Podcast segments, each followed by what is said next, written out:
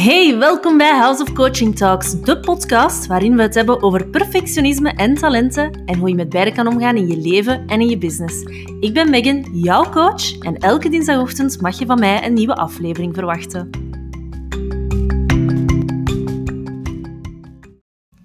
Hallo, hallo en welkom bij alweer een nieuwe aflevering van House of Coaching Talks. Vandaag gaan we het hebben over ochtendrituelen.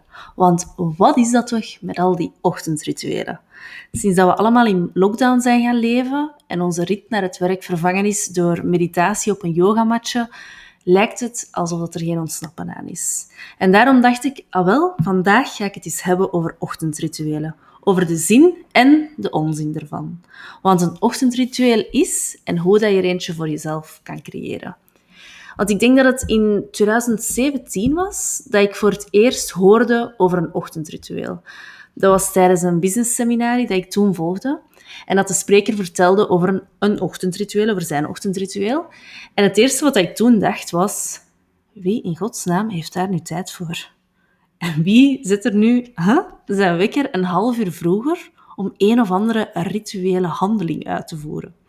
Ja, ik stond, en allez, vandaag nog steeds, een beetje huiverachtig tegenover alles wat fluffy of zweverig klinkt. Dus het woord ritueel deed direct al een paar alarmbelletjes afgaan. Maar ik begreep het concept wel, dus ik zette mij erover. En toen daar in 2017 zagen mijn ochtenden, ochtenden er op dat moment um, min of meer allemaal wel hetzelfde uit. Mijn wekker stond om 6.30 uur of om 7 uur, afhankelijk van hoe laat dat het die avond geworden was, of de avond voordien. En ik werd standaard wakker nog voordat mijn wekker de kans had om af te gaan. Ja, dat is, dat is een dingetje van mij. Op een of andere manier. Ik heb zo'n interne klok. Maar ik zet die toch altijd voor zeker niet te overslapen. Maar goed, dus elke ochtend gewoon, hup, ik werd wakker en dan bleef ik in mijn bed liggen. Ik tokkelde nog tien minuutjes op mijn gsm, gsm of wat langer en dan stond ik op. Ik nam een douche, kleedde mij aan, ontbijten, kusje gooien, weg naar het werk. En elke ochtend zag er in grote lijnen ongeveer zo uit. Maar toen ik hoorde over ochtendrituelen, begon ik eens verder na te denken over hoe dat ik mij voelde als ik opstond. Want daar gaat het over, hè, ochtendrituelen. Daar zal ik zoiets wat meer over vertellen, maar daarover gaat het. Ehm, en ik besefte van, ja, ik ben altijd wel een ochtendpersoon geweest. Dus met een slecht humeur in de ochtend ga je mij amper tegenkomen. Maar wat ik wel besefte was dat ik de laatste tijd heel moe was. Moe als ik opstond. En dat had ik vroeger niet. Ik was altijd heel energiek als ik opstond. En dan begon ik na te denken van, oké, wat maakt dat ik vandaag zo moe ben, allee, op de laatste tijd, en vroeger niet? Wat is er anders dan voordien? Ik begon het al bijna op mijn leeftijd te steken. Maar zwart, um, ik ben nog maar 30. Allee, of toen zelfs nog minder. Um, of jonger. Maar dan opeens zag ik het. Van vroeger, en dan spreek ik over de tijd dat ik nog bij mijn ouders woonde, dan zagen mijn ochtenden er effectief anders uit. Toen werd ik wakker en terwijl mijn ogen open gingen, waren mijn benen al helemaal uit mijn bed. Dat was echt zo'n... Een, een, ja, dat was precies zo... Hoe noemt dat met die touwtjes? Zo een, een, een ventje aan touwtjes. Zo als je daaraan trekt, gaat het ander mee. Wel, ik was mijn ogen gingen open, woep, en mijn benen waren uit bed. Maar toen ik Joris leerde kennen, mijn man, ben ik min of meer een snoezer geworden. Zo, niet het type dat de wekker uh, ja, dat die afduwt en terug in slaap valt, maar wel zo... Ja, ik, ik viel niet in slaap, maar ik bleef wel liggen. Dus het, wel het type dat gewoon rustig bleef liggen en in mijn warm bedje hm, en ondertussen was scrollen op mijn gsm. En dan kwam het besef van, het was het snoezen of het, dat dat mij moe maakte. Daar waar ik vroeger flop uit bed was, strompelde, ik nu na een half uur wakker in mijn bed te liggen, uit mijn bed. Opeens was dat dan moeizaam en langzaam en, en was ik super moe.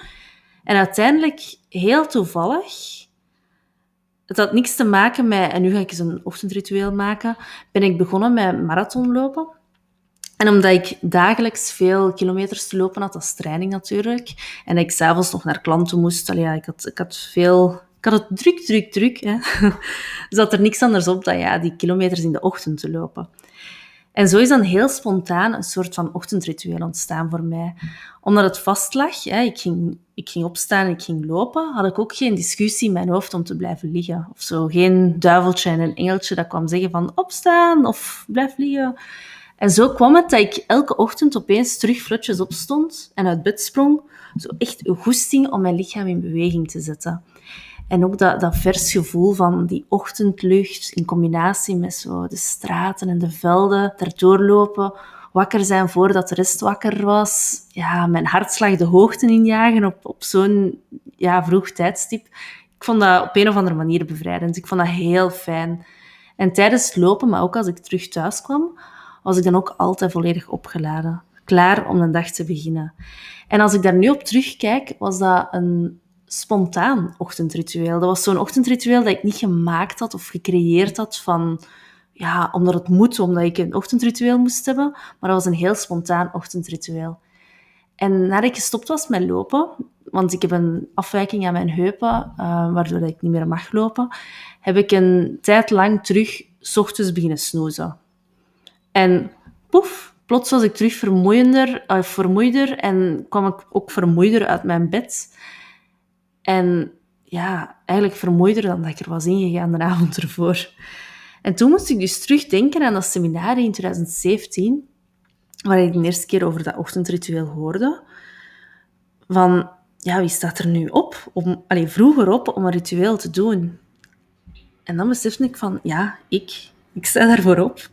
Omdat ik mijn eigen ritueel had gevonden een ritueel dat mij energie gaf bij het opstaan. Want dat is het ding met ritueel. Hè. Eigenlijk zijn het gewoontes in een bepaalde volgorde. Dat is een ritueel. Iets dat je elke ochtend doet in een bepaalde volgorde. En wel om twee redenen. Ofwel om energiek aan de dag te starten, ofwel om stress te reduceren. Of beide, hè. dat kan ook natuurlijk. Hè. Dus voor stress en voor energie. En tegenwoordig lijkt het alsof dat iedereen aan het mediteren geslagen is. Of, of lijkt het alsof dat iedereen op een yogamat zit. En ja, dat is hun ochtendritueel of, of van veel mensen. Maar laat je daar vooral niet voor opjagen dat ook dat jouw ochtendritueel moet zijn. Ik zei het al, een ritueel is een gewoonte.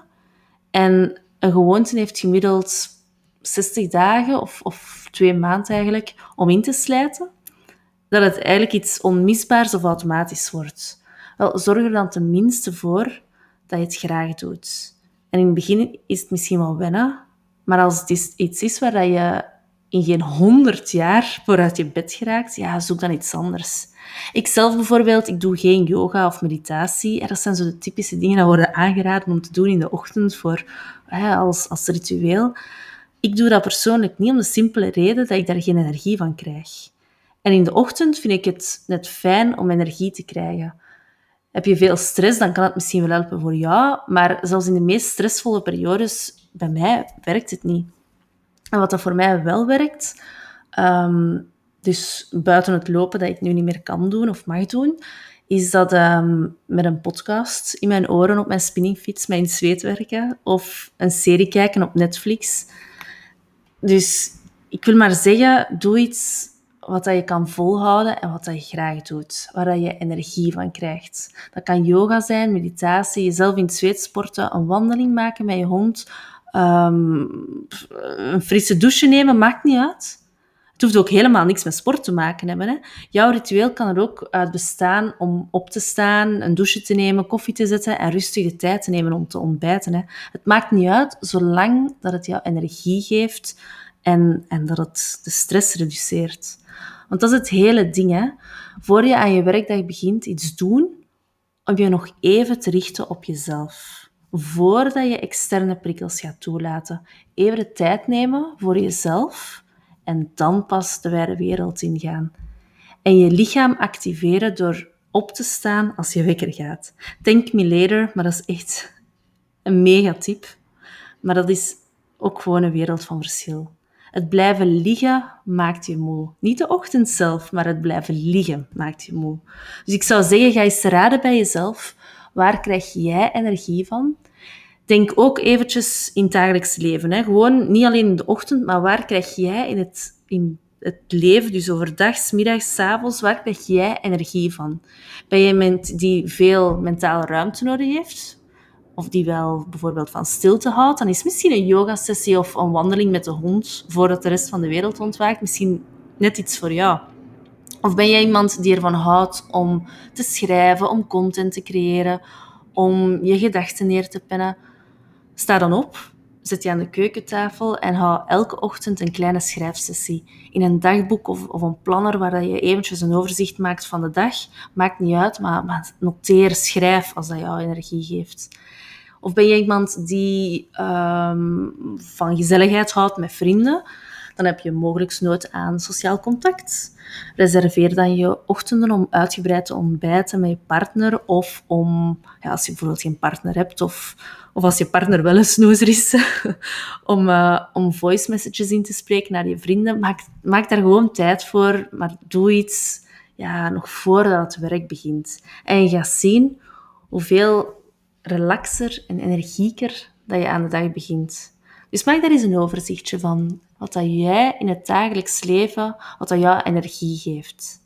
En maak er dan een ochtendversie van. Vertaal het naar iets dat haalbaar is in de ochtend. Want ja, kan ook wel inbeelden dat je zegt, ja, ik hou van terrasjes doen en pinten drinken, maar maak er dan een ochtendversie van.